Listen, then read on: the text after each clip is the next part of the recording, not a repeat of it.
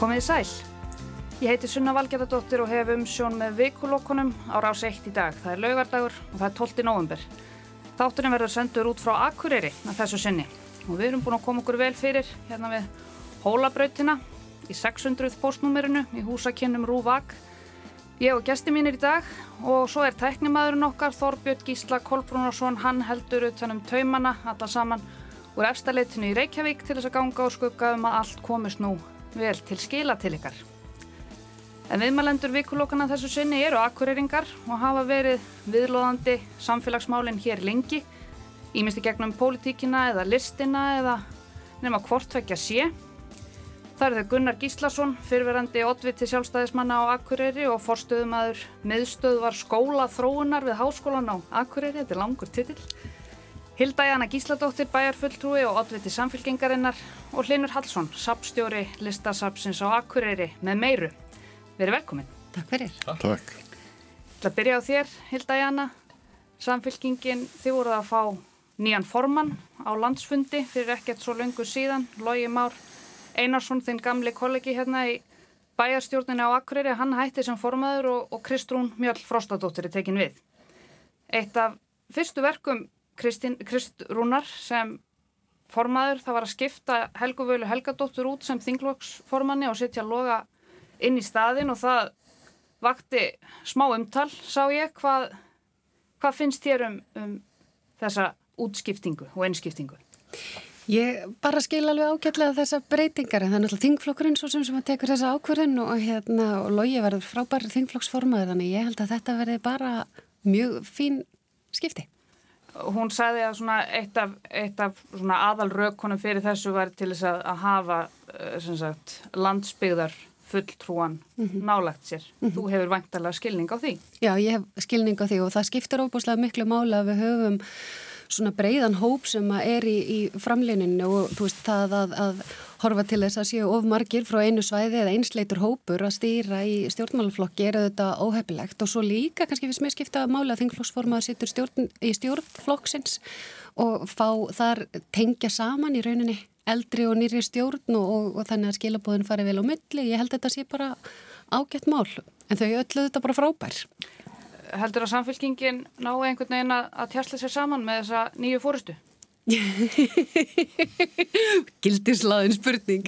Ég bara heldur séum á réttri leið og það er rosa að minnstakosti stemming og svona vonar neisti að við séum að færa, færa okkur á svona næstu hæðir og mikil samstaða og stemming og bara svolítið gaman svona í alvörunni, bara gaman að, að veist, bæða að takast á en líka hvað er óbúslega mikil samhljómur í langstæstum hluta hópsins af því að þetta eru auðvitað óbáslega margir sem eru hluti á svona flokki og mér finnst nú eiginlega bara svona einhvern veginn hvað fólk er að sjá e, sameinlega að séu mikilvægastu málin og áherslutnar og hvert við erum að fara og samstæðan. Mér finnst þetta bara beautiful sko. Það er aldrei list, þið lístu vel á, mm. það er gott. Gunnar, ég ætla að gefa mér að, að þú sitt ekki alveg ja, ja, peppaður og, og hildaðina. Þú varst á landsfundi sjálfstæðisflokksins um síðustu helgi í Reykjavík og Bjarni Benditsson var endurkjörinn formaður flokksins með tæpum 60% atkvæða águðlur þór mót frambjóðandi hans hann hlaut rúm 40% og ég veit að þú varst gullamæður. Þú svektur? Uh, já, ég er að sjálfsögðu svektur þegar mann er ekki margmiðið sínu, hann náði ekki þessu margmið. Ég hefði kjörna vilja sjá breytingu þarna, það er ekki spurning en það gaf ég það út hópimberlega fór á landsundin, greiði fyrir allt sjálfur svo það sé tekið fram og hérna og veit ekki annað en að það hafi núna annars allir gert. Og en þessi sko þetta frambóð var hins vegar kannski til þess að þessi fundur varð miklu miklu öflugri og bara skemmtilegri, fjölmennari og menn voru svona að taka stáðum í mjög smál og ég held þetta hafi bara verið á einu góða. Og ég hef alltaf sagt sko ef að sjálfstæðarflokkurinn elskar líðræði og vill vera svona líðræðisflokkur þá er hann að fagna því þegar mann bjóða sér fram í svona ennbætti og augra aðeins þeim sem á toppnu sitja og ég er ekki nokkur um að með það að hérna að Gulli hefur styrt stöðu sína því að það er alveg morgunljóst að hann fekk þá 40% atkvæða. Það heldur samt margir að það erði tvísýtna? Já, ég, ég held það og ég trúði því þanga til að, að hérna, ég var konin á fundin og farið svona eins að leri kringum það er alveg rétt. Mm. Uh, og ég hefði viljað sjá þetta tvísýtna Mér finnst það bara sjálfsagt mál. En ég er ekkert sko í neinum hérna neitt í fílu, það þýður ekki neitt. Ef maður elskar líðræði þá tekum maður bara því eins og það er og svo höldum við bara áfram og vinnum bara okkar verk. Nákvæmlega. Hlinur, þú ert sapstjóri listasapsins á Akureyri. Þú hefur líka umsjón með menningarsettrinu Sigurhæðum. Það er reyndar konan mín. Það er konan? Já. Ég held að þið værið eitt. Nei, ekki alveg. Nei, nei. Hún sér alveg um það. Ég þarf aðeins að fara, fara að rifja upp bæjarpolitíkinu eða. En ég sá einhvað síður, uh, það bárust tíðindi í morgun, uh, varðandi helsta kennileiti bæjarins. Akureyrar kirkjuna okkar, hannaða, sem var hannuð af, af Guðunni Samuelsinni, hún hefur fengið nýtt nafn eða hvað? Já, það er bara afar ánægilegt að því að vegna þess að uh, Akureyrakirkja uh, á sínum tíma þá var hún oft kölluð Mattiasar kirkja og það að sóknanemnd hafi ákveðið líka dálitið svavari sóknapresti til heiður sem er nú að, að hérna, hverfa til annara starfa um áramótin Uh, að þetta hefur verið svona barátumál hans stoltið lengi að uh, það sé, að, það sé komið nýtt uh, nafn eða bætti við nafn kirkjunar og hún heiti Akureyra kirkja, kirkja Mattiasar Jókkumssonar Og heldur að þetta verði svona Hallgrímskirkja og svo Mattiasar kirkja? Nei, ég held að það verði nú kannski ekki alveg, alveg þannig. Ég mun að við munum örgulega tala um bara Akureyra kirkju áfram sko, en, en það að við sínum hérna þjóðskáldin okkar og, og hugsiðunum Mattiasar Jókkumssoni Uh, svona virðingu og, og hann var fyrsti heiðusborgari Akureyrar og, og hérna og uh, áttu þetta glæsilega feril og, og lagði margt til var, var uh, viðsýn líka í trúmálum hérna og merkileg persóna og það að þau hjónin hann og Guðrún Runulsdóttir hafi hérna búið síðan síðustu æfi árin á, á, á Sigurhæðum sem er hérna í í kirkjufætunum það, það er auðvitað bara, mjög veist að bara fallegt að, að hérna sína uh, þeim þennan, þennan heiður. Heldur að þetta verði stórt mál við kaffivílarnar ég sá á Facebook, held að það var hérna komment komment hjá þér þar sem að fólk er nú að lýsa yfir, yfir evasendum, yfir þessari breytingu og hérna er, ég... er ekki fylgjandi breytingum Einmitt, það bara, ég meina það, öllum breytingum fylgja eh, einhver, einhver gaggrinni, það er bara mjög eðlilegt og sumir eru íhaldsamari heldur en aðrir og hérna, og eh, já, já, ég skil það þetta bara mjög vel að, hérna, að, að eh, kirkja sem hefur heitið, eða gengið undir náttúrulega akkurara kirkja mjög, mjög lengi, að, að hérna, að einhverjir finnist það skrítið að sé verið að breyta nafninu á henni núna, en ég held að hérna það sé bara Já, bara vel við hæfi og, og bara við hefum að angurreiningar eiga að vera doldið stoltir af, af hérna arleið Mattiasar og, og hérna og Guðrunar hér í, hér í bænum. Pæling, pæling hvort að hérna, það kemur þá fram næst tillega um Sigur Hæðir Guðrúnar. Já, af því að hún var í raun og veru miklu meiri svona kvatamæður að byggingu húsins. Mattiasi leið bara vel inn í innbæ og hefði alveg verið sáttur þar en, en Guðrún stjórnaði fjármálunum og, og, hérna, og bara byggingunni þannig að, að hérna það er eiginlega henni að þakka. Við eigum þetta fallega hús núna í, hérna, í brekkunni, Umvitt Það var, þetta er stórt mál vissulega, það er líka það eru fleiri stór mál og kannski sérstaklega eitt sem að myndi, sumir myndu segja að væri jafnvel stærra en nýtt nafn á kirkju. Hlinur, þú hefur verið viðlóðandi pólitíkina svona í og með í mörg ár.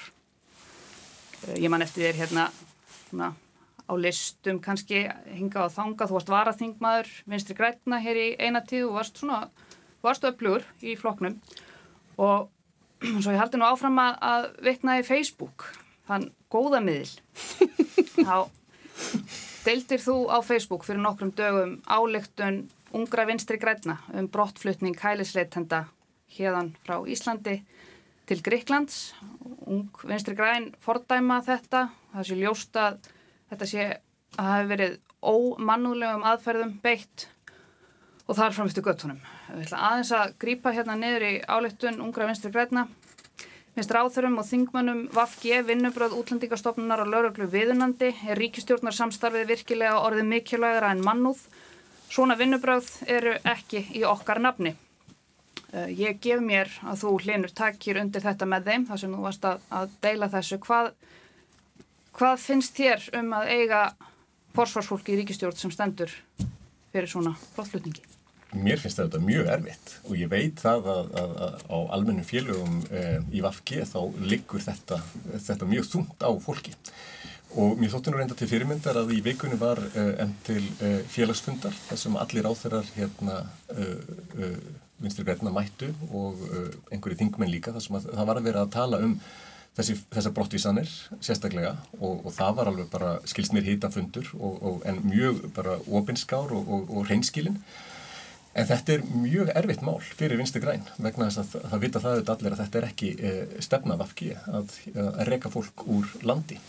Og þessi harða stefna Jóns Gunnarssonar í, í e, flótamannamálum er e, og þessi tímapunktur líka það, það, og, það, og hvernig þetta var gert ég held að, að það deili miklu fleiri og við höfum auðvitað var við það í, í þjóðfélagsumræðinni að að það er ekki bara vinsti græn sem, sem að hérna, hryllir við þessu heldur uh, miklu fleiri ómanniskulegar uh, aðferðir, uh, taka skólastúlkur þegar þeir eru að koma heim úr, úr, úr skólanum og, og, hérna, og taka fallaðan mann úr, úr hérna, hjólastólum sínum og senda hann á götuna í Greiklandi. Við þurfum ekki að gera þetta. Það er oft talað um að diblina reglugerðin séu bara einhver, einhver hérna, lög en þetta eru bara tilmæli og við þurfum ekki að, að, hérna, að senda fólkur úr landi og við getum það. Við erum miklu betur í stakkbúin til þess heldur en til dæmis Greikland að mhm. taka vel á móti fólki og ég held að við getum gert það. Og ég menna, ung vinstri græn hafa oft verið samviska uh, uh, uh, vafki og, og hérna og þannig að mér fannst bara uh, uh, heiðalegt og, og gott hjá þeim að taka svona mjög sterkt til orða til að minna á stefnu vinstri græna og, og hérna að, að þetta væri ekki okkar nafni. En hversu djúft ristir þetta? Þú veist, er þetta eitthvað sem að uh, vinstirhefingin grænt frambóð, þú veist, þú talar um þessa samvinsku að þegar ég skil hvaðan þú ert að koma, mm. þetta, er, þetta er líka eitthvað sem að kvíla rámanu og maður finnur bara fyrir reynlega í hjartanu. Mm. Er þetta eitthvað sem að mun bara líða hjá? Nei, ég held ekki. Ég held að þetta sé virkilega eitthvað sem að, sem að skiptir máli. Þessi Þessi mál við höfum tekið eftir, af því að þetta er ekki fyrsta skiptið, því miður sem, sem, að, sem að fólk er uh, rekið úr landi með, með þessum hætti. En og, og tölulegar hérna, tölurna sína að við erum að höfum bætt okkur í móttöku flóttamæðarna heilmikið og, og við erum að taka á móti miklu fleirum heldur en, heldur en uh, við höfum gert fyrir uh, eðlilega, ég menna flóttamannaströymurinn er, er að aukast. En ég held alveg að þetta tali inn í líka til fórustunar í, hjá uh, Já, ánu kannski aðalega við að þetta sé, hvort þetta sé svo stórt mál að, að VFG fara að setja einhvern tíma niður fótinn og segja bara þetta verður ekki búið í þessu ríkistjórn samstarfi já, eða bara slíta því. Þú veist, að maður heyrir svo oft að hérna, að þú veist, að græsrótinni í Vafge uh, verði mjög sár við sína fórustu en svo einhvern veginn verður það eins og einhver svona uh, smá tímabill og svo þagnar það og allir aftur bara kátir En við erum ekki rétt hjá mér að, að hérna, það er í gildi ákveðin lög sem allir voru sammála um og samþýttu sín í tíma Ég get alveg tekið undir það að mér fjönst sko þessi aðfur sem þarna var alls ekki í samræmi við svona mín gildi. Það er alveg á hreinu. Og ég held að það eigi bara við mjög marga í sjálfstæði flokknum eða ég lesi til dæmis nýlega samþykta áleiktunum um, um inflytjanda mál. Það var nú svo litið áhugavert. Ég nefnilega lættist inn á landsfundin akkurat Sko, þessi áleiktun var samþygt Já, það var sko hérna í allsherra mentaválunend kom fram tillaga um breytingar sem að ég gæti nú ekki alveg fælt mig við. Hún var samþygt með einu atkvæði.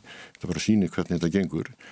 Síðan fór þetta inn á stóra sviðið og þar voru þessar breytingar til þeim var bara kipt út sem betur fyrir Já, með mjög afgerandi kostningu og ég held að við þurfum bara átt okkur að því að við mikið verðum að gera málur kannski því þetta eru veikt sammála það er bara þannig í stórri reyfingu að það er fullt af sjónamið en við þurfum bara að takast á lenda málum á þann skinsamlegasta hátt sem hægt er. Og ég held að þetta mál við hljótum að læra því. Vegna þess að þarna var aðferðum beitt sem ég get ekki síðan að við síðan neinu samræmi við svona mannréttindi að mannlega reist Það er bara alveg að reyna. Jón Gunnarsson er nú ekki alveg sammálað því? Já, þá er ég bara ósammálað Jóni Gunnarssoni og það er bara ekki til fyrst skipti. Og það er bara gott að vera í flokki þar sem að getur verið ósammálað öðrum og svo er þetta bara spurning hvernig við tökumst á að lendum málum á endanum. Og ég veit ekki betur en að hann sé að stíða út úr þessum bætti og ég bara ber mikla voni mm. brjósti til Guðrúnar og hún takir við og breyti þessari mynd. Já, ég, ég eh, teku þetta undir það og það er þetta, Gunnar talar fyrir frjálslindari armi hérna, sjálfstæðisflokksins hérna vegna þess að ég menna það var klappað sérstaklega skilsni, nú var ég ekki á landsfundinum en hérna við skilst að það hefur verið klappað sérstaklega fyrir Jóni eh, Gunnarsinni og ég menna við höfum þetta heilt afstöðu svona ista hægrisins í, í sjálfstæðisflokknum sem er kannski þú veist að reyna að, grugga, að, að fiska í einhver svona gruggum potli vegna þess að við höfum heilt til dæmis afstöðu formans miðflokksins til þessara mála sem eru alveg bara, uh, bara ræðileg og bara og maður hérna óskaði sér þú veist að, að, að, að svoleiðis viðþorf ættu ekki upp á pallborðið hér á Íslandi en auðvitað gera þau það líka. Og ég held þú veist að svona uh, hægri Isti hægri armurinn í sjálfstæðisflokknum er, er, er, er á annari línu heldur held, held en Gunnar Gíslason og, og, hérna, og vonandi meirluti sjálfstæðis. En er það ekki bara þannig með alla stjórnmálflokka? Það eru mismunandi svona blokkir í þeim og ég sé ekki betur en að samfélkingi svona, svona færa sér til hægri svona í alþjóðflokks farið. Það er það ekki. Evrópamálin að fara ofin í skúfu og, og samfélkingin að færa sér miklu nær miðun en en áður. Og ég elska þessa umröðu hvernig hún, hún er svo brotakend og, og, og, og, og eitthvað skrítin og yfirbórskend en auðvitað sé ég þetta og ég hef alltaf skilið og rætt það auðvitað. Hvað finnst þér yfirbórskend við þetta? Meðal annars til dæmis þegar að sko, fólk fyrir að segja að Evropamálun sé ekki lengur málefni samfélkingarnar sem er bara bull. Þetta er ennþá stefnaflokksins er auðvitað að horfa til Evropasambandsins. Það, það er verið að tala um ef ég fæ að útskýra það sem að ég allavega og mér finnst svolítið verið að kasta einhverju skvettu fram sem að er ekkit rétt.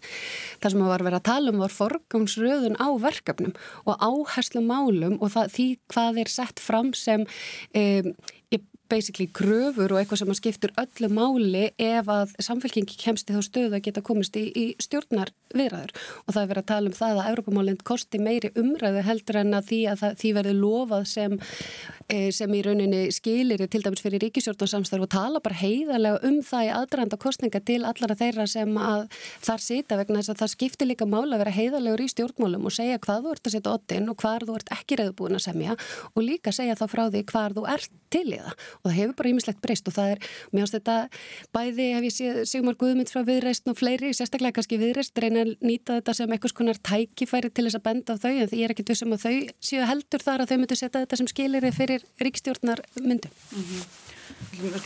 Aðeins geima Evrópumálin. Það er ekki, á, ekki allavega akkurat núna á dagskrá í dag.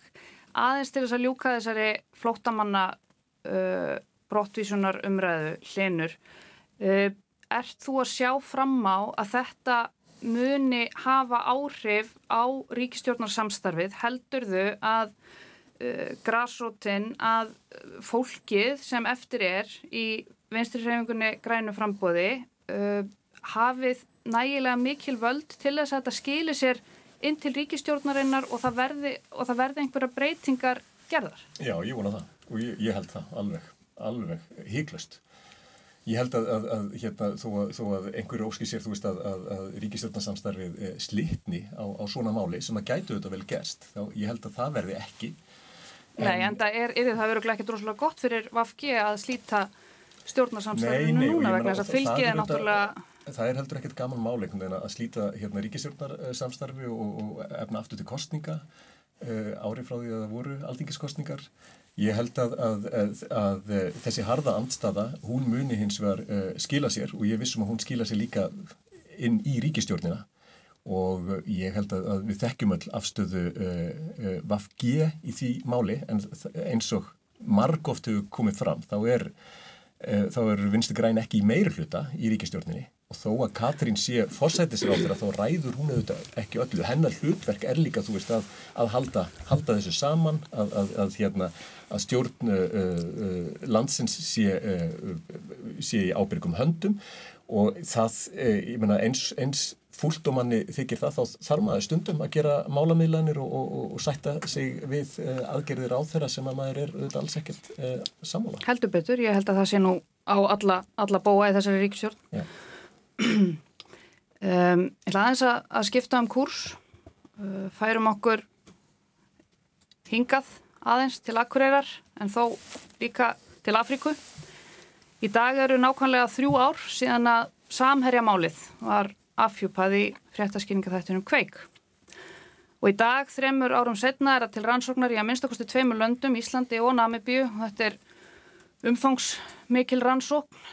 Greinilega hefur tekið langan tíma, henni gengur, það gengur vist vel, skilstmanni, snýrað meintum útugreðslum og skattalagabrótum, fórsvarsmanna samherja. Stundin greindi frá því vikunni að rannsóknin væri vel á vegkomin og Samkvæmt heimildum blaðsins telja skatta yfirvölda fyrirtækið hafi komið sér undan því að greiða skatta í stórum stíl svo nefnur hundruðum miljóna króna. Sakbortningar í málunni eru að minnst okkosti átta, þetta er allt yfirmenn eða starfsmenn, samherja, núverandi eða fyrverandi, meðal annars er það Þorstein Már Baldvinsson, forstjóri, Yngvar Júliusson, fjármálastjóri samherja á Kýpur, Arna Maklór, yfirlögfræðingur samherja og Jón Óttar Ólafsson, sem var eins konar þúsund þjala smiður fyrir fyrirtækið og svo Jóhannes Stefánsson, uppljóstrari og fleiri. Uh, Gunnar, þú sast í bæjarstjórninni, var það ekki þegar samherjamálið var afhjúpað? Þegar málið kom upp, jú. Samherji er, eins og við vitum öll, risastórt fyrirtæki, risastórt afl í þessum bæ. Þetta er bakkjarl, þetta er vinnuveitandi. Þetta er, þetta er bara risastórt afl inn í þessum bæ. Hvaða, ef við lítum aðeins tilbaka um þrjú ár, hvaða áhrif hafið þetta inn í pólitíkina hérna á þessum tíma, Gunnar?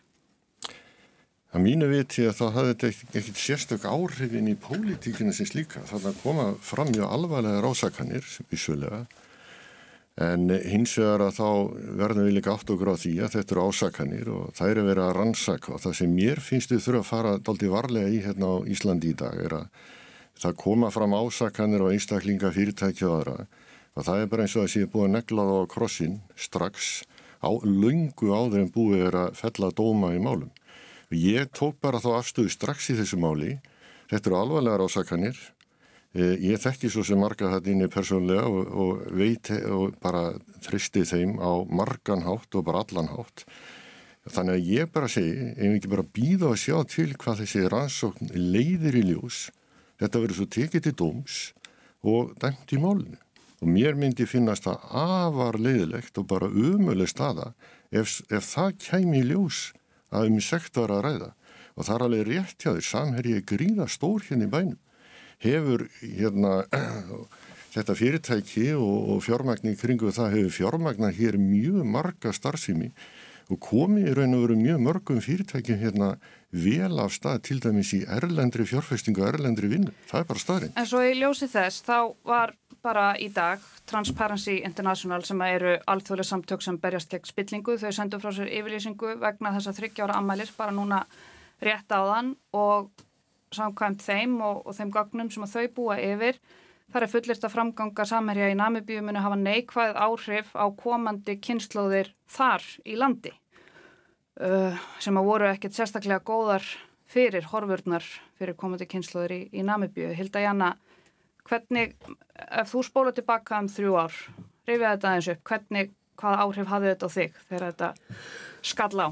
Þetta var náttúrulega fyrsta lagi bara auðvitað mannmar þetta næstu þess að það hefði gæst í gæra að horfa á hennan þátt og ég held að við höfum, ég allavega svo ég tala bara fyrir mig, þetta var bara áfall að sjá uh, þessa framsetningu, sjá uh, þennan möguleika fyrir hendi að þetta gæti verið staðan og, uh, og ekki síst kannski í því ljósa að við höfum verið uh, þarna inni áður í þróunar aðstóð og í rauninni aðstóða uh, landið og, til þess að koma nýta þessa auðlind og komast í, í, í betra stand, þannig að auðvitað fyrsta, fyrstu viðbröðin er bara ofbúslegt áfall og ég held að við höfum öll verið í áfalli þegar þetta kom fram til þess að byrja með og, og hérna og uh, að sjálfsögðu vil maður síðan uh, fá þetta í gegnum dómskerfið og þetta úþólandi að þetta taki svona langan tíma. En eins og þú segir þá er þetta umfangsmikil rannsókn og skiptir væntalega miklu máli að, að rannsaka allar hliðar þess og ná allum gögnum fram og það er nú ekki eins og veist, samstarf kannski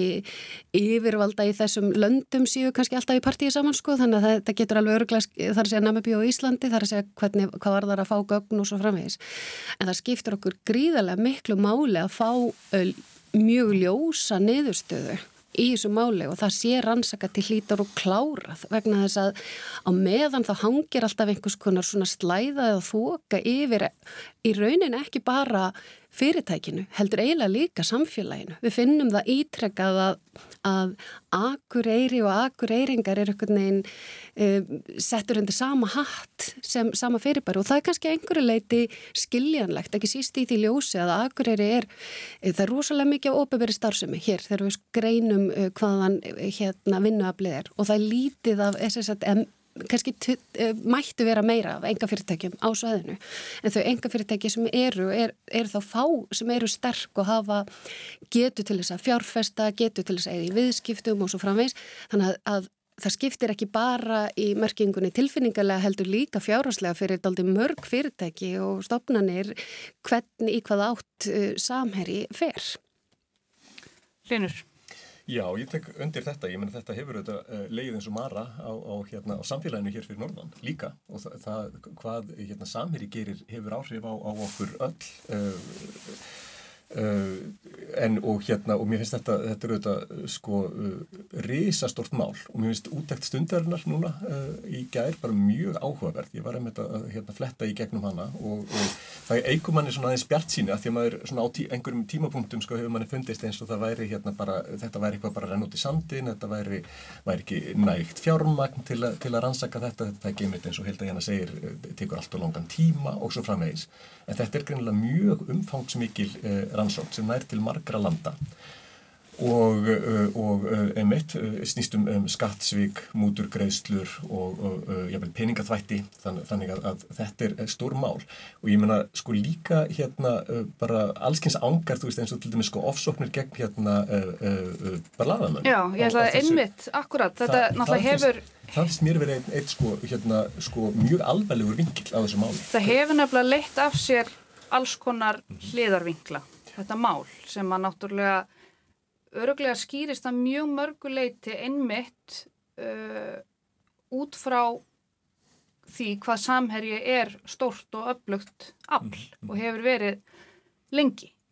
Uh, eins og þú bendir á þá leiti þetta af sér meðal annars laurugluransókn á, á fjórum bladamönnum sem að fengu stöðu sakbortnings fyrir að skrifa fréttir af þessu máli um, sem hefur hlutið mikla gaggrinni uh, sérstaklega þá hvað varðar gaggrinni á laurugluna, Norrlandi Eistra mm.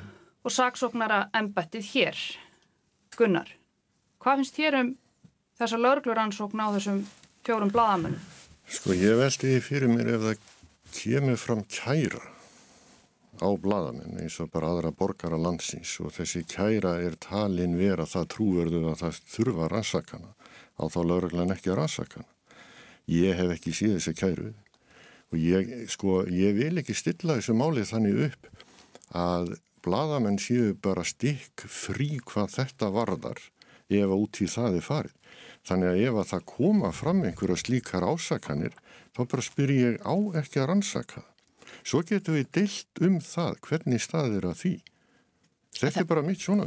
Ég, ef ég má aðeins, þá, hérna, þá finnst mér þetta allt svo, ó, ég er búin að reyna að skilja þetta og reyna að afla með gagna og reyna að skilja hvað var að gerast þarna vegna þess að mér finnst þetta allt svo sérkennilegt og ég er auðvitað að þannig að ef að bladamenn verða uppvísir að glæpa þeir eru grunaður um glæp að þá sjálfsögðu þeir eins og allir aðri borgarar að ganga í gegnum sama ferli. Það er ekki það sem að... Það er að tala um glæp í þessu samvæli, ég nefndi bara brot. Eða brot, Já. alveg sama hvað er, uh, en þegar maður skoða gögnir og ég lasi gegn, mér sé að hafði fyrir að lesa hérastómin og dómlandsréttar og reyna að afla mér þess að gagna helst ekki kvorki frá þá samfélagsmiðlum eða fyrirtækjum eða bladamennum reyna að fá bara grunngögnin til að reyna átt að með þessu.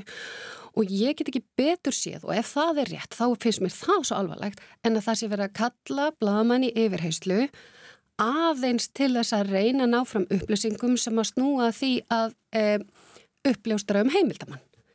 E, ég hef ekki séð neina og það er vísað í tvær greinar lagastóðir þegar þau fá stöðu sakbortnings sem báðar varða í rauninni heimildamannin og ef svo er þá get ég ekki skilið og þá hefur mér fundist þessi hérastómur ætti að standa meðan að landsréttur segir að þau ekki hafa afskipta þessu en í rauninni fellengan dóm í, því annað en að réttakerfi ekki hafa afskipta því. Ef að það er rétt að þá er aðeins tvær lagagreinar sem eru stóðir þess að þau eru köllið yfirheyslur sem bæð báðar lútaða því að uppljóstur um heimildamenn sem bladamenn eru samkvæmt lögum vermdaðir fyrir. Þeir meiga ekki ljóstra upp um heimildamenn sína. Ef að lauruglan er að kalla þau í rannsók bara til þess og einskís annars, þá er það í raunin ekkit annað en áreiti sem er algjörlega ósættanlegt. Hvað nefndur oft EF? Ég er að segja, þess vegna vil ég, ég vil, ég hef lesið gögnin og miða við þau gögn sem ég hef séð og ég vil bara hafa alla varnagla þar á, en ef þetta fá, er máli þá skiptir. Við skulum bara fá vissuna fram í þessu máli og þessi ef eru bara alltaf mörg og við, þetta er bara eins og annað sem þarf að rannsaka og fá botni í eins og samherja máli allt. Ég meina þarf alveg ljósta að koma fram ásakanir, þá þarf rannsaka málið, þá þarf að vinna úr því og þá þarf að taka fyrir til dóms og dæma. Já, sjálfsög, en þarna er það sem ég er að segja, miða við þau gögn sem ég hef séð þá voru þeir kallaður yfirherslu bara út frá þessum tveimur lagagreinum og það er í rauninni ekki def. Það er rétt. Og þar af leiðandi stennst það enga skoðun. Það er ef, samt sem áður. Nei, það er nefnilega ekki ef. Þetta eru þær tvær lagagreinar sem að lauraglan vísar í sjálf. Ef hún væri að vísa í eitthvað allt annað, þá sjálfsögðu að koma í yfirherslu. Bladamenn eins og allir aðri borgarar. Mm. Já, já, ég menna það eru þetta þekkt í, í sko löndum sem við viljum kannski ekki vera hérna, að bera okkur saman uh, við í, í mannreitndamálum Eh, að eh, stjórnvöld eða, eða, eða, eða dómsvald, eh, lögregla reynir að hafa áhrif á bladamenn og, og, og, og hvernig þeir vinna. Og að því að við vitum öll að fjölmiðlar erum afar mikilvægir í þessu hérna samingju öllu að upplýsa fólk á, á hérna um, um um hlutina af því að það eru örglega ekki allir eins og, eins og Hildægjana sem, sem að nennir að lesa í gegnum alla hérna dómsúlskurði og, og, hérna, og kafa þannig hún í málinn en, en sko að, og mér finnst það líka bara strax dálítið alvarlegt. Og ég menna þú veist þegar maður fer í gegnum uh, þetta, þetta mál allt þessa þessa skrýmsladeild sem að þau kölluðu sig sjálf uh, innan, hérna, innan fyrirtækisins að, að ég menna það er það er bara alltaf rosalegt og maður einhvern veginn, uh, ég trúi ekki alveg að þetta ætti sér stað í, í, hérna, í okkar samfélagi. Mm -hmm. Ég, mér langar aðeins til að, að því að við erum að tala um þetta mál sérstaklega og það hvernig menn taka sér til að reyna afvega leiða sannleikan. Það er það sem þið eru að gefa í skýnitt ok, og það er eitthvað sem ég held að einhverju hafði í huga en þetta er bara stórt vandamál í samfélaginu orðið í dag, ekki bara þarna Ég er að horfa hérna til þess að þætti á ríksjárfinu sem þetta börnin okkar þar sem sannleikurinn bara afvega litur kvöld eftir kvöld á sundarskvöldum á besta tíma sjóansins. Þetta er bara stort vandamál. En það eru ekki bara að rannsaka það og, og fá niðurstöði það mál? Já, ég held að það væri gaman að rannsaka það hvernig ríkisjónvarpinu dætti í huga að taka þess að þætti á daskar á fyrirgjöðu. Ég bara veldi því fyrir mig þegar að þú ert með, þeir eru með einhliða málflutningu á einu með öðrum stað og sérstaklega á ríkisfjölmiðlu. Hvað ætlar að gera? Það þarf það að rannsaka það ef að svo skinni skekkinni. Já,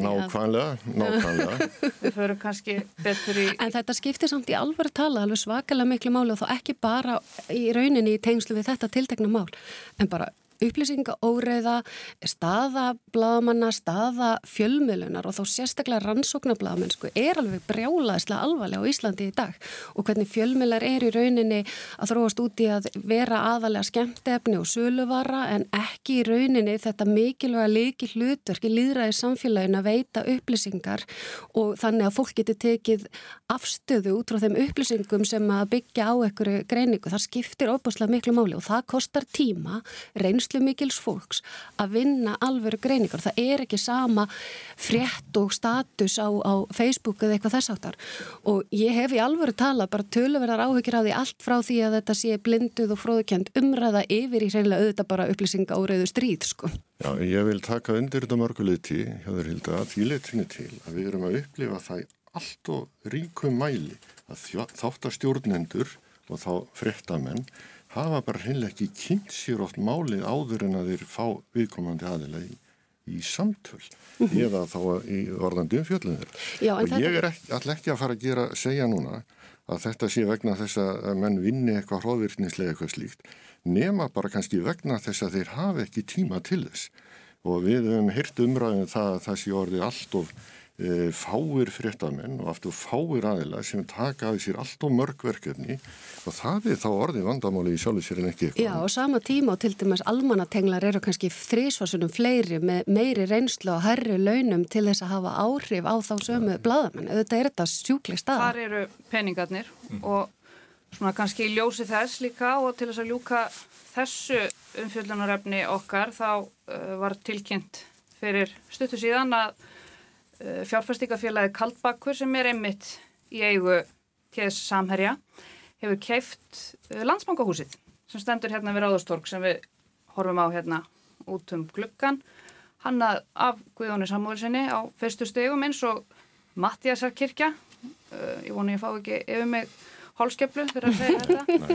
Uh, Eirikur Jóhansson starfsmæður Kaldbaks segir að landsbanki verði áfram með starfsemi á neðstu hæð húsins líkt og farið var fram á næstu tvö árin hið minsta Kaldbakkur fái tvær hæðir húsins til afnóta frá 16. november sem er nú bara eftir nokkra daga sem að Eirikur segir að líklegt að verði skrifstofur fyrst um sinn það sé þó ekkert ákveði í þeim efnum og endanlega áform verði gefin út von bráðar. Hvernig líst þér á þessi plön, Linur?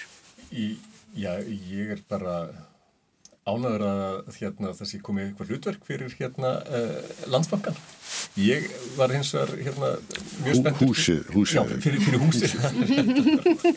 Ekki nýtt þetta til landsbankan. Nei, nei, nei, fyrir landsbanka húsið okkar hér við Ráðustorg, en mér, eh, ég var spenntur fyrir þeirri hugmynd að, að, hérna, að þetta er því ráðhús, þannig að, að ráðhústorkið ætti þá ráðhús og hérna og að það hefði verið uh, klárað að byggja við húsi þannig að það hefði hérna væri ekki svona snubbót austurliðin á því. Uh, ég hins vegar bara er ánaður ef það verður einhver sko lifandi starfsemi í húsinu. Uh, á einhverjum, einhverjum tímapunkti sko var einmitt talað um hérna menningarstarfsemi og þetta hús eru þetta fullt af myndlist. Og það eru þetta hérna, ekki síður heldur en landsbankahúsið við, við Lækjatorg og, uh, og, og þetta er svona, já, þetta er mikilvægt hús í, í bæjarmyndinni. Þannig að hérna, en það hvort að þú veist uh, uh fyrirtæki í eigu, eigu samherja kemur að því, þú veist, það, það finnst mér kannski ekki, ekki vera aðal málið, það, það voru sjö tilbóð sem, sem bárust í húsið og, og hæsta tilbóðinu var, var tekið En þetta auðvitað, hefur auðvitað áhrif á það eins, eins og við vorum að tala um að þetta liggur svona dálitið eins og mara yfir samfélaginu, þessi, þessi rannsókn. Myndi það hafa áhrif á uh, til dæmis þig ef að, ef að Kaldbakkur myndi byggja listasafnið um að koma í samstarf varðandi einhvers konar menningarhús þarna?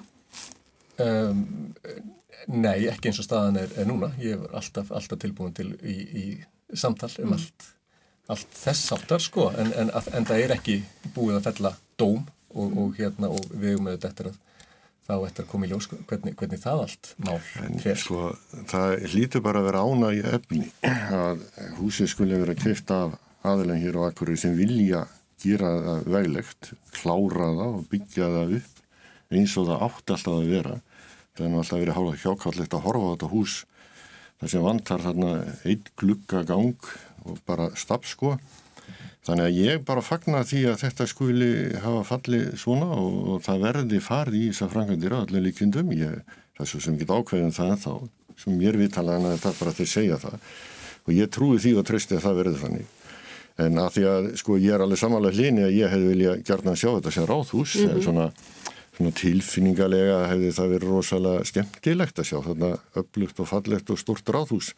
Við skoðum þetta nú í þessum hlut að á sínum tíma og, og hérna áður við fórum að velta fyrir okkur stækkun á núverendur áþúsi og það kom bara í ljós að þetta var og er allt og allt og dýrt og það er eiginlega ekki forsvaranlegt fyrir bæin að vera að fara í einhverja rándýra uppbyggingu bara á tilfinningalegu grunni, það því miður. Fyrir ykkur hlustendur sem voruð að kveikja á útvarpinu þá heiti ég Sunna Valgeradóttir og þeir eru að hlusta á vikulokkin. Þau eru sendt út frá Akureyri að þessu sinni. Og gæsti mínir í dag eru þau Hlinur Hallsson, Gunnar Gíslason og Hilda Jana Gísladóttir. Um, við ætlum aðeins að, að segja skiljið við þessi mál í byli. Um, höldum þú áfram að tala um peninga það er alltaf, alltaf gaman. Um, ég sá í frettunum uh, um daginn að það stendur til að hækka gjaldskrár á Akureyri um 7-10% til þess að mæta hallarekstri. Uh, Heimir Örn Átnarsson, hann er fórseti bæjastjórnar og oddviti sjálfstæðismanna, hvar þú sast eitt sinn, Gunnar. Uh, hann segir þetta óhjákvæmilegt til þess að mæta kostnaði og verðbólgu. Um, þetta gengur þvert á þau kostningaloford sem að flokkurinn gaf út í aðdraðanda síðustu sveitastjórnarkostninga. Hilda Jana, þú hefur sagt að viðkvæmir hópar samfélagsins þeir munu gleymast og þú sakkaðir heimi um fróðumálflutning í aðdraðanda kostninga.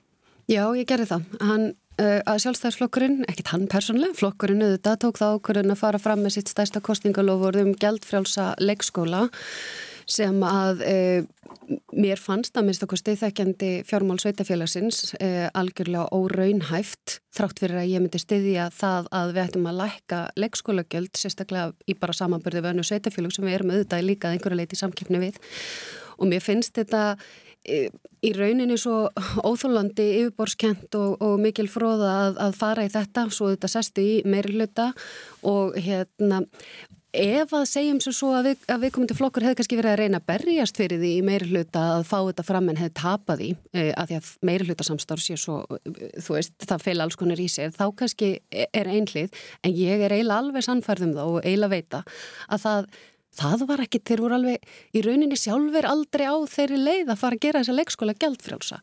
Ekki einu sinna tryggja að, sko, uh, að gjaldi myndi lækka Uh, og ekki einu sinni að heldar kostnaðu fóreldra vegna leikskólavistunar og fæðis myndi standa í stað, heldur hækka og það er orðin ansi brjálaðislegt í pólitíkinni að ganga svo langt í aðdraðanda kostninga uh, og mér finnst það annarkort snúast um vannþekkingu á fjármálum og rekstri sveitafélagsins eða hreinlega bara verið að bylla í kjósendum kortur í kostningar þetta er líka svolítið áhugavert vegna þess að sko Akureyra var rekin með 752 miljónar krónar afgangi uh, 2021 sem er tæpur 2 miljardum meira en áallanir gerður ráð fyrir.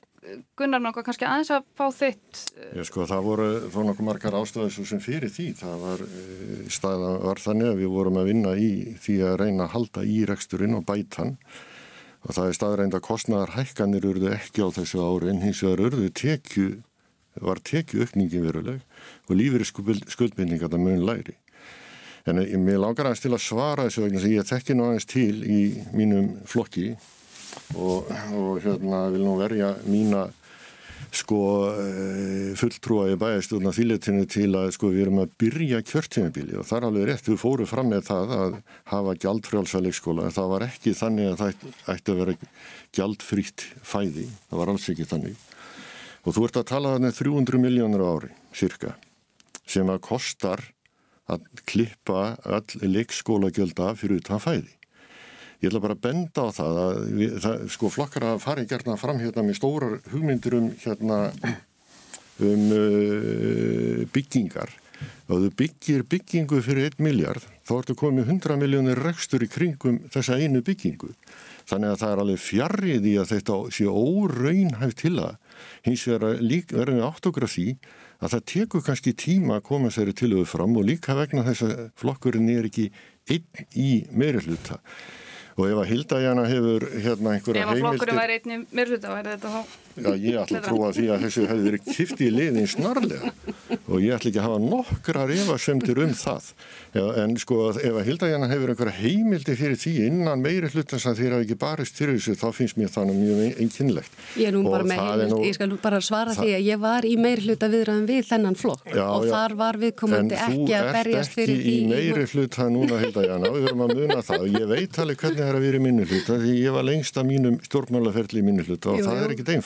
og að að að þá er maður í svona alltaf að reyna að finna eitthvað til að skjóta á en að tala um fróðu finnst mér alveg gjörsamlega út í hött. En mér finnst það mikilvægt að fyrsta ári kjörtínum að vils og fyrstu fjárasáallinni sem er verið að vinna þetta er náttúrulega langtíðanmál og það er þó allavega ekki verið að hækka leikskólagjöldin. Jú, nefnilega, þú ert ekki að fara Það er ekki verið að hækka leikskólagjöldin það er verið að hugsanlega hækka fæðiskostna og ég er alveg samanlega því að ég, mér finnst gjaldskráhækkan alveg fullmiklar.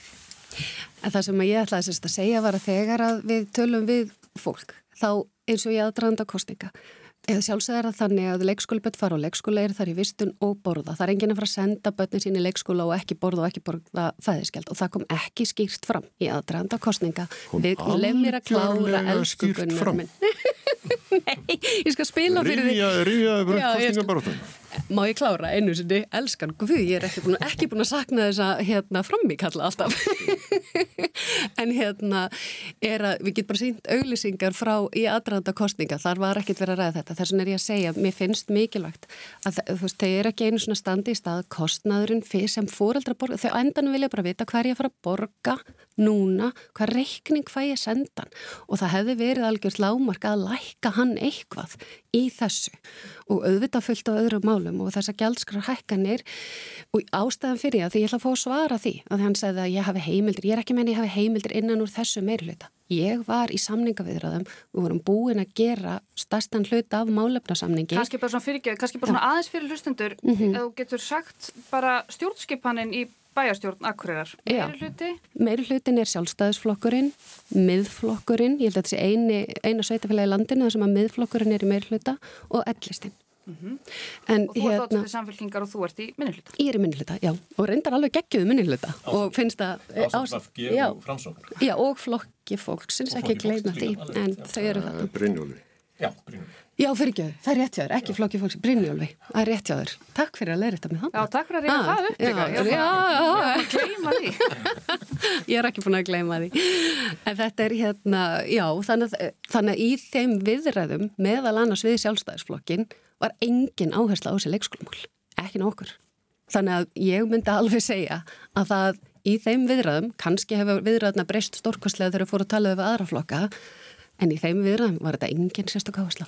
Ég vil kannski aðeins fá bæta mér inn í hérna, þessa umræða því ég verður þetta takk undir það að, að þegar maður lofar einhverju svona stóru máli sem að þóttu þetta djart á, á þessum uh, tíma og bara, og, og bara mikilvægt kannski að, að, hérna, að tala um gjaldfrjálsan leikskóla að hérna uh, að þá hlýtum maður að nýta þessi fjögur ár til þess að efna þetta lofvort smám saman. Þú hefur nú aldrei snýttið leikskólaþjónustun á Akureyri. Jú, heldur betur með, með, með fimm börn í, í hérna, le, veru, ekki í leikskóla reyndar, þau eru í grunnskóla og framhaldsskóla en hérna, en sko í, að því að það að ætla að efna síðan öll kostningalofurðin á síðasta kjörtjóma, á hérna síðasta ári kjörtjóma bilsins, sko, það eru auðvitað pínu, pínu slart, mm. þá er maður pínu að hérna skilja eftir hérna uh, Þetta er nú skot, Hlynur, þetta er nú En skot. svo verður það svo áhugavert þessi leikskólamál verður ekkit áherslumál sjálfstæðisflokksins.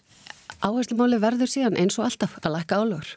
Það er það sem að mun gerast núna milli umræðina, við erum auðvitað búið með fyrir umræði í, í hérna, bæjastjórn, farið í setni umræður og það er það, að, það er það sem ég er að beina. Þetta var aðalega bara auglýsingaherferðin fyrir kostningar síðan þegar kemur allt til alls. Þá verður þetta pressan sem kemur innan úr sjálfstæðisflokknum. Mun enginn koma, við munum bara sjá það í setni umræðu þær breytingar sem að verða gerðar á fjárhásáallun ég þykist nú nokkuð viss um það að þær mun ekki varða leikskólamál. Eh, Þú ert þá að gefa hvað í skinn? Ég er að gefa það í skinn að það hefði ekki verið að, verið að segja í rauninni nákvæmlega hvað sjálfstæðisflokkurinn stendur fyrir.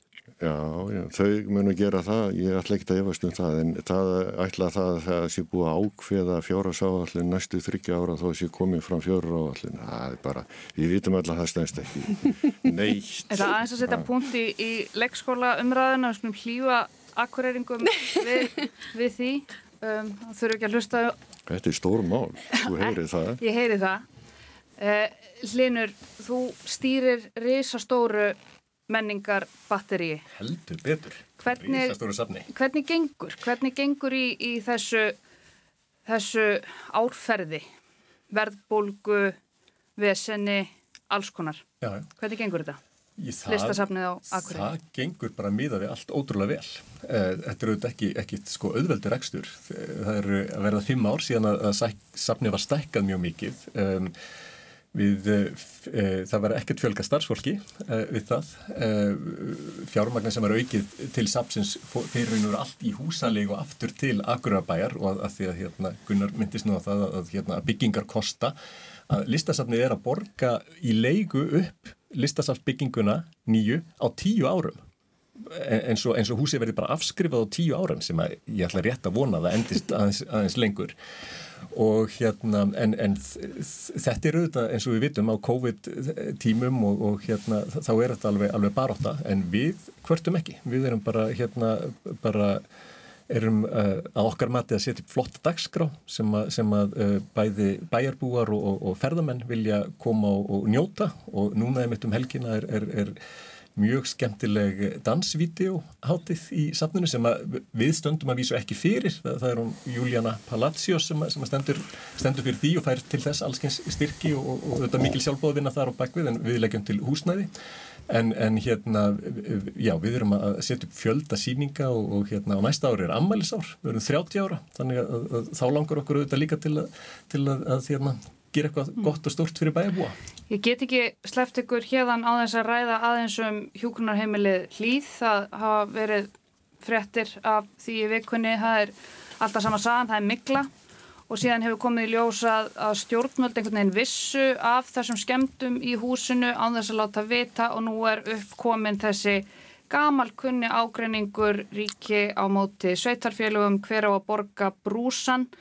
Hilda Janna, hvað er hægt að gera? Það er verið að flytja þarna íbúa á milli delta, það er verið að fólk finnur fyrir uh, sjúkdómsenkjönum vegna miklunar, þetta er eitthvað sem að virðist vera að hægt hafi verið að komi, komi veg fyrir, þetta er eina hjúkunarheimilið á á Akureyri, stórt og, stór og öflug stofnun, þar hefur þó gengið á ímsu eins og margir vita. Hvað er hægt að gera í þessu? Hver, hver er næstu skref hjá okkur? Stóra máli þarf bara að vera að hið ofinbera hvaða nafni sem það nefnist. Seti nú fókusun á það að þetta snýst um mjög viðkoma hópa fólks sem að er bara ekkit ásættanlegt að sé ekki í góðum húsnaði. Ég held að það þurfa að vera einhvern veginn, það þurfa að vera fókuspunktur af því að þessi slagur mellir ríkis og sveitafélag mun alltaf verða til staðar en við eigum að auðvitað vera hægri og vinstri hönd e, þjónar e, almennings. Þannig að en að samaskapi þá er auðvitað bara ég er svo rasandi stundum yfir þessu því að ef að, mínar upplýsingar allar eru réttar, við erum Það, ég, þetta er áður en að ég kem inn í bæjarstjórn meiri sér sem eru nú orðin ykkur fimm ár síðan eða fjör ár að hérna þá er verið að reyna eiga í samtali við ríkið um þetta húsna og þennan rekstur til, sko ég veit ekki hvaða 10-11 árið eða eitthvað og það er ekki einu svoni svör. Hugsaður helbreyðsrandi svarar ekki einu svoni bænum meðal annars í umræðu um húsnaðismálin, um reksturinn. Þetta var sko bara dramatík bara þetta og það sem ég fæ sem ég þól ekki er að ráðunittið að fólk tala ekki saman. Þú finnur ekki lausnir með því að sita einhvern veginn bara á bakvið tölvurskjáin og, og hérna og þarna uh, Sondís Ástóttir var náttúrulega helbreyðsra á þessum tíma og ákveður að semja þarna við engafyrirtækið helsurarendum þetta mál uh, eftir að Akurabær ákvaða framlengja ekki þessum samningi og fyrir mér voru það gríðarlega vombriði og ég bara verða að segja ég átti ekki von á því að hún myndi semja við helsurendi, ég átti von á því að eins og var í rauninni kynnt í upphafi að þetta færi til HSN og eftir því sem ég kemst næst þá skilst mér að HSN hafi ekki viljað það, ég hef aldrei fengið það staðfest HSN er helbriðisstofnun hérna, sko, við erum kannski konaðis út fyrir húsnæði, sko, en málið er það að ég veit ekki betur en að starfsfólk og aðrir hafi bara verið mjög ánæg með það þjónustu sem heilsuvernd hefur að veita þarna. Vandamálið húsnæði, ekki satt? Það, það sem að var verið að tala um Og þetta er alveg rétt sem Hilda Janna sagði, það búið að vera að reyna að ræða við ríkið í áratu og ríðlega það til þess að koma einhverjum uh, sko skikki á þennan rekstur. Hvernig finnst þið nýr helbriðis á þeirra að vera að standa sig? Í þessu? Já. Já, sko að miða við Sörans í gær, þá ætla ég bara að trúa því að hann bara uh, finni lausna á þessu máli. Þetta er ekki vandamál akkuröðu bara. Ég ætla bara að segja það reynd út vegna þess að þegar heilsuvend færinnan rekstur í hendunar, þá eru, eru akkuröðingar ekki spurðir. Þeir eru ekki spurðinu um það hvað á, á þá helsuvenda borgi leigu fyrir húsnæðir vegna þess að leiga er ekki bara borga nýðu kostnaði húsnæði þetta, heldur, þetta er líka viðhald og það, það er það sem er stóri punktur Þetta samskiptir alveg miklu máli sem hann er að segja sem er það að þegar uh, Svandís ákveður að selja með heims helsuvernd um hús sem að við Akurabær á hluta í, þá er ekki einu svona tala við okkur. Það er ekki tala við okkur, það er ekki greitt lega, korki frá ríki, nýja heilsuverðin til þess sem að hluta til á húsnaðið. Við reyndum og óskatti því að ríki myndi þá bara kaupa húsið sem það er ekki gert og ekki einu svona tala við okkur. Ég ætla bara að minna á það að Akurabær borgaði 2 miljardar á 10 árum með rekstri öldrunaheimilana og það eru peninga sem voru ekki nýttir í þá annar akureyringa sem að voru þá skilduverkunni bæjarins. Og hana nú. Hlinur, hvað ætlar að gera um helgina? Uh, ég ætla að njóta góða viðsins. Uh, Dóttir mín átti Er ammæli. Það er sól og blíða eins og við sjáum hérna. Búið að vera svo lengi. Stefnum að við að fara í, hérna, í skóarbuðin með henni. Já, það, er- það er planið. Og síðan ætla ég að kíkja á, á videodans. Hátíðina. Til hann ekki með amalið hennar. Já, takk fyrir það. frábæri stelpuna þín. Hilda hérna?